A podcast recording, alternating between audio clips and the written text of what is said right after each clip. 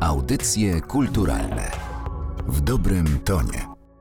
Dzień dobry Państwu, Anna Karna. Witam w audycjach kulturalnych. Dziś zapraszamy do Kordegardy, Galerii Narodowego Centrum Kultury, gdzie wieczorem odbędzie się wernisaż wystawy pod tytułem Jan Szczepkowski, Państwowiec. Twórczość tego wybitnego rzeźbiarza będzie można oglądać już od jutra w galerii, a o ekspozycji rozmawiać będę z jej kuratorką, panią Agnieszką Bebłowską-Bednarkiewicz. Dzień dobry.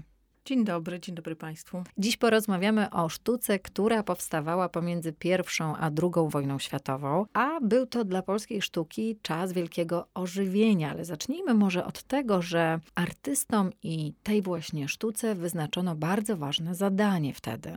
Tak, proszę sobie wyobrazić, 1918 rok, Polska odzyskuje niepodległość, ogromny entuzjazm, ogromny. Pojawiają się nowe instytucje państwowe i pokolenia z trzech zaborów, pokolenia, które czekały na tą odzyskaną wolność, na niepodległość Polski, nagle muszą stać się jednym tworem państwowym. To jest niesłychanie trudne. Jest młode państwo, które nie ma pieniędzy, natomiast jest pobudzone wielkim entuzjazmem, do tworzenia nowej państwowości, ale w tym też nowej kultury. Dawniej twórcy polscy działali pod zaborami. My ich nazywamy oczywiście Polakami, że oni tworzyli polską kulturę, tak jak na przykład słynny Jan Matejko, którego wystawę dopiero co pożegnaliśmy. Natomiast to był już zupełnie nowy czas. Weszliśmy w dwudziestolecie międzywojenne. To jest XX wiek, wiek wielkich nurtów awangardowych w sztuce, które się ciągną jeszcze od e, tego przełomu XIX-XX wiek. To są naprawdę bardzo istotne zmiany w sztuce, które dotykają oczywiście artystów pochodzenia polskiego. I tutaj nagle tworzy się zupełnie nowy byt państwowy i twórcy wiedzą doskonale, że muszą dać pewnego rodzaju oprawę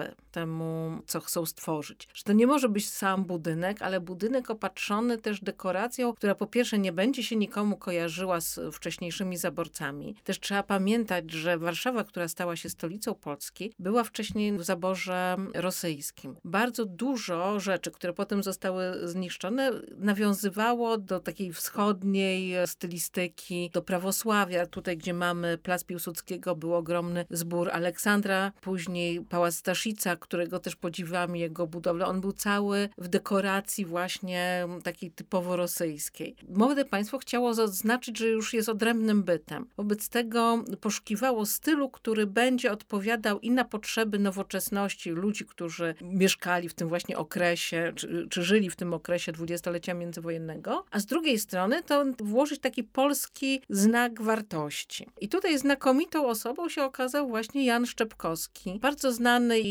lubiany rzeźbiarz krakowski, który po I wojnie światowej przyjechał do Warszawy, zamieszkał w domu teściów w Milanówku. Tam też przyjechał razem z żoną, młodą aktorką i maleńką córeczką. I nagle się okazało, że właśnie bardzo dobrze odpowiada na te zapotrzebowanie nowego stylu. No, Jan Szczypkowski miał 42 lata, kiedy skończyła się I wojna światowa, czyli był naprawdę dojrzałym twórcą, miał wypracowany własny styl. Oprócz tego, że był uczniem Konstantego Laszczki, wybitnego profesora z Akademii Krakowskiej, również dostał stypendium w Paryżu, gdzie na pewno zwiedzał y, pracownię burdela, ale też prawdopodobnie był jego jego uczniem. Burdel z kolei był uczniem Augusta Rodena, także ten taki modernistyczny nurt rzeźby europejskiej był mu bardzo dobrze znany. Paryż był wtedy też takim wielkim tyglem wszystkich możliwych nurtów w sztuce, między innymi ekspresjonizm i kubizm, fowizm.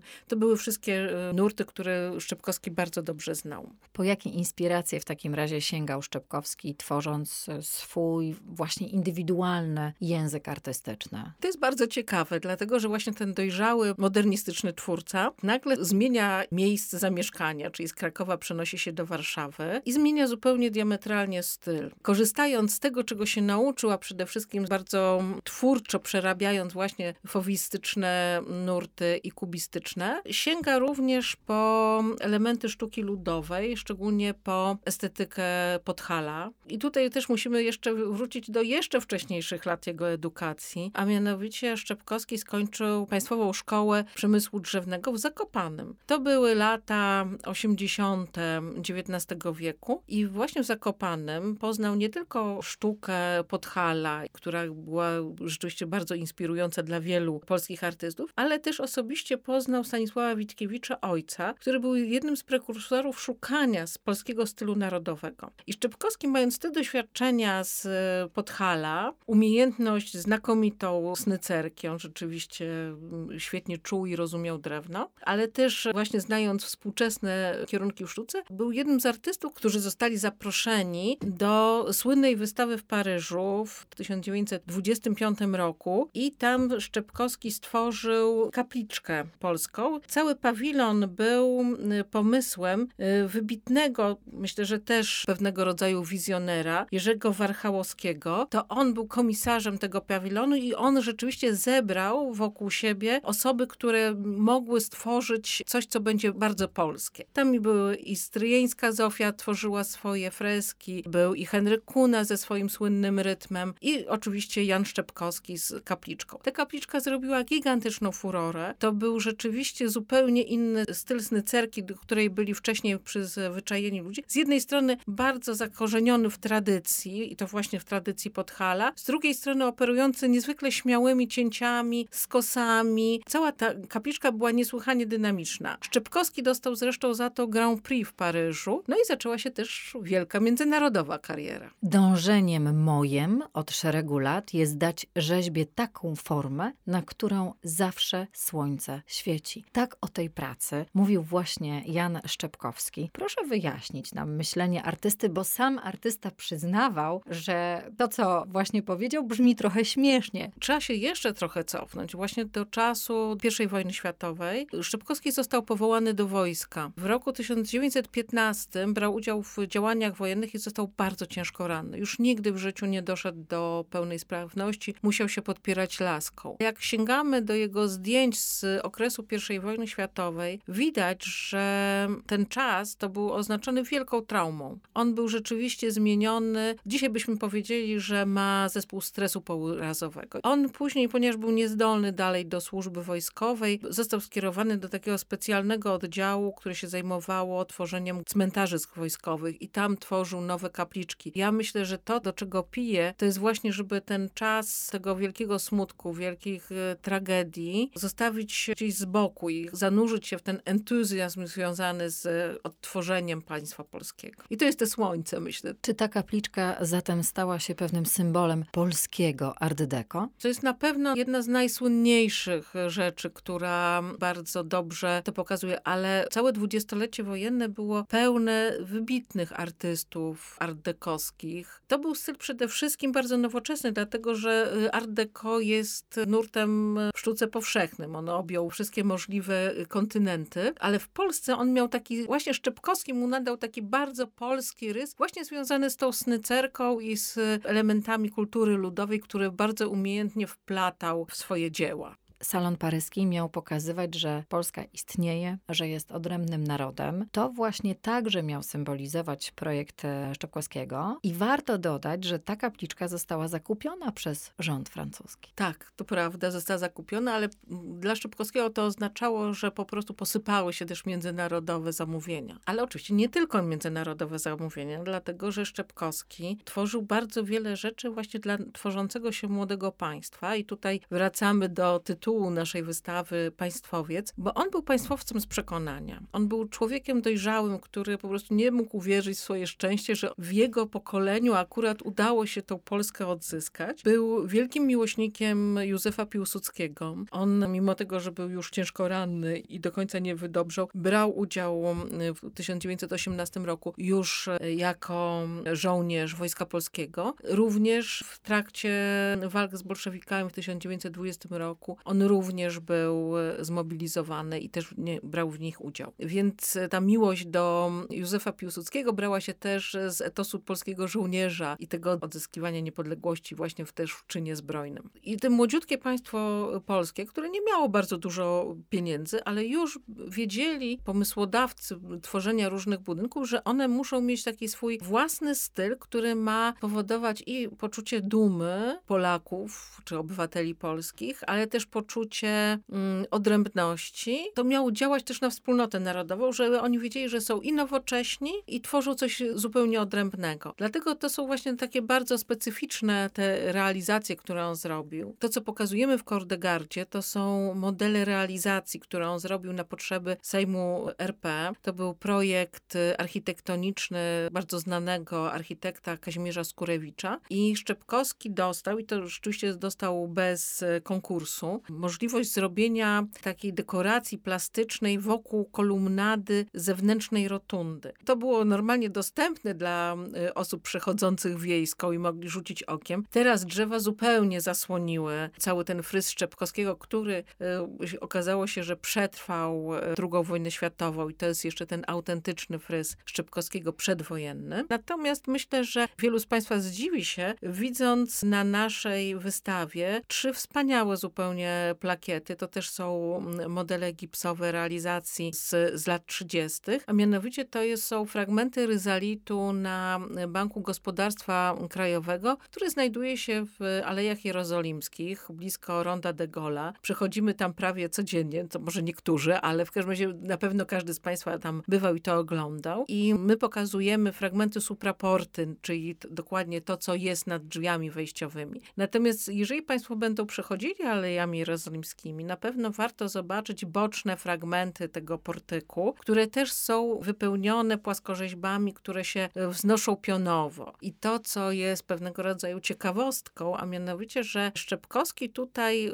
przemyślał nie tylko całą koncepcję plastyczną i realizację, ale nawet dobranie kamienia, który był właśnie wydobywany w Polsce, który jest typowym dla tego rejonu, jest również takim jego myśleniem właśnie, żeby to było tutaj rodzime, dlatego że Polacy są w stanie stworzyć coś, co jest niezwykle nowoczesne i niezwykle nośne. Wróćmy na chwilę do Piłsudskiego. Ten szacunek do marszałka także zawarł właśnie w swojej sztuce. Tak, rzeczywiście w ogóle jak umarł marszałek w 1935 roku, Szczepkowski był przy zdejmowaniu maski gipsowej. Jest już taki zapomniany zwyczaj, kiedy zdejmowano właśnie zmarłym ich ostatni wyraz twarzy i Szczepkowski wtedy był. Musiało być to dla niego niezwykłe przeżycie. On naprawdę autentycznie był w żałobie po marszałku, ale jako jeden z ważniejszych e, rzeźbiarzy tego okresu wziął naturalnie udział w słynnym konkursie, który został rozpisany, żeby uczcić właśnie pamięć marszałka. To miał być taki ogromne założenie pomnikowo-urbanistyczne na placu na rozdrożu. Projekt e, zyskał bardzo wysokie zresztą oceny. No nie został zrealizowany, potem całe to założenie no, przerwała wojna, więc już nigdy do tego nie wracano. Natomiast my pokazujemy dwie rzeczy. Koncepcję łuku triumfalnego, który również miał być zawarty w tym e, projekcie ku czci marszałka oraz jedną z bardzo wielu koncepcji postaci marszałka. Tak, wydaje mi się bardzo ciekawa, bo to jest taka postać w szynelu wojskowym, w tej typowej maciejówce, ale ona nie ma w sobie nic z jakiejś takiej ogromnej wielkości, którą pamiętamy chociażby z Majstrowicza, konny e, portret całościowy. Natomiast tutaj jest rzeczywiście taki raczej zamyślony, bardziej idący w kierunku mędrca niż wielkiego wojownika ale bardzo piękny ten model. Natomiast jeżeli chodzi o łuk triumfalny, to też jest bardzo ciekawa historia, dlatego że ten łuk triumfalny był w takiej twórczej wyobraźni Szczepkowskiego jeszcze wykorzystywany po wojnie. Bo po wojnie Szczepkowski, który przetrwał całą wojnę w Milanówku, od razu się Szczepkowski włączył do odbudowy stolicy i naprawdę czynnie brał udział w różnego rodzaju projektach, które właśnie miały służyć przywrócenie Warszawy blasku, która była totalnie zrujnowana między innymi on robił renowację fryzu Sejmu RP, z tym, że jego część była autentyczna, natomiast druga część fryzu, która była stworzona przez Jana Antoniego Biernackiego, została zupełnie zniszczona. Szczypkowski właśnie ten fryz Biernackiego odnawiał. I co może też jest ciekawostką, bo to jest ta część od e, strony niewiejskiej, tylko mm, od strony parkingu. Na fryzie tym znalazło się podobizna Piłsudskiego, którą Szczepkowski odnowił, która przez cały czas czasu stalinizmu w Polsce, cały czas tam nieruszona została. To była plakieta w ogóle poświęcona Legionom Polskim. I to jest rzeczywiście taka mała rzecz, do której się Szczepkowski również przyczynił. Ale wracając do łuku triumfalnego, Szczepkowski jeszcze dwa razy próbował ten łuk triumfalny stworzyć i zbudować. To miało być e, po kolei tam ofiarą właśnie II wojny światowej, i potem czynu zbrojnego. Były takie pomysły, on to próbował w jakiś sposób jeszcze przekazać, natomiast to zupełnie było już coś innego. Szczypkowski, mimo tego, że był czynnym artystą prawie do śmierci, to jednak ten czas dwudziestolecia wojennego, to był dokładnie jego czas. Czas jego najlepszych realizacji, największych e, pomysłów, najbardziej śmiałych, ale równocześnie czas, w którym on bardzo dobrze rezonował i ze społeczeństwem oraz właśnie z tym tworzącym się nowym państwem. I przykłady tych najważniejszych realizacji już od jutra będą mogli Państwo oglądać w Kordegardzie. Druga wojna światowa była pewną granicą, jeśli chodzi o tego artystę, ponieważ po wojnie sztuka jego nie znalazła odbiorców. Tak, to jest też tak z tymi twórcami ardekowskimi, którzy w tym stylu tworzyli, tak jak Magdalena Gross. Ona także już nie mogła znaleźć. Trochę jest tak, że II wojna światowa zniszczyła społeczeństwo polskie. Zniszczyła całą tą tkankę społeczną, która była odbiorcami sztuki spod znaku art deco. Później tworzyło już to młode pokolenie, często nie mające takiego wykształcenia, często napływowe, ale oni już potrzebowali innej estetyki. Oni oni też mieli inne doświadczenia. Oni mieli też doświadczenia tej hekatomby, którą była druga wojna światowa i chcieli, żeby to była sztuka, która odpowiada na ich potrzeby. Dziś twórczość Jana Szczepkowskiego tak wrosła w architekturę, że często nawet jej nie zauważamy, choć mijamy na co dzień. Warto więc zadrzeć głowę, żeby przypomnieć sobie tego artysta, a przede wszystkim warto wpaść do Kordegardy, żeby zobaczyć te najważniejsze dzieła rzeźbiarza. Tak, ale też zapraszamy w niedzielę na spacer po Milanówku śladami Szczepkowskiego. Także jeżeli Państwo by mieli ochotę, to o 12 przy stacji Milanówek się zbieramy i idziemy razem z znakomitym przewodnikiem z Milanowskiego Centrum Kultury, panem Michałem Słowińskim, który nas oprowadzi śladami Jana Szczepkowskiego. Do kiedy będziemy mogli oglądać w Kordegardzie realizację Jana Szczepkowskiego? To jest wystawa też pomyślana trochę z okazji 11 listopada, bo Szczepkowski się wpisuje w ten czas, w którym pokazujemy właśnie to, ten entuzjazm i radość z odzyskanej ojczyzny. I myślę, że Szczepkowski był dobrym piewcą. Także wystawa się zamyka 12 listopada, tuż po. Zapraszamy wszystkich Państwa do Kordegardy Galerii Narodowego Centrum Kultury, a bohaterką dzisiejszych audycji kulturalnych była kuratorka ekspozycji pani Agnieszka Bebłowska-Bednarkiewicz. Bardzo dziękuję za tę rozmowę. Dziękuję bardzo. Do widzenia. Audycje kulturalne w dobrym tonie.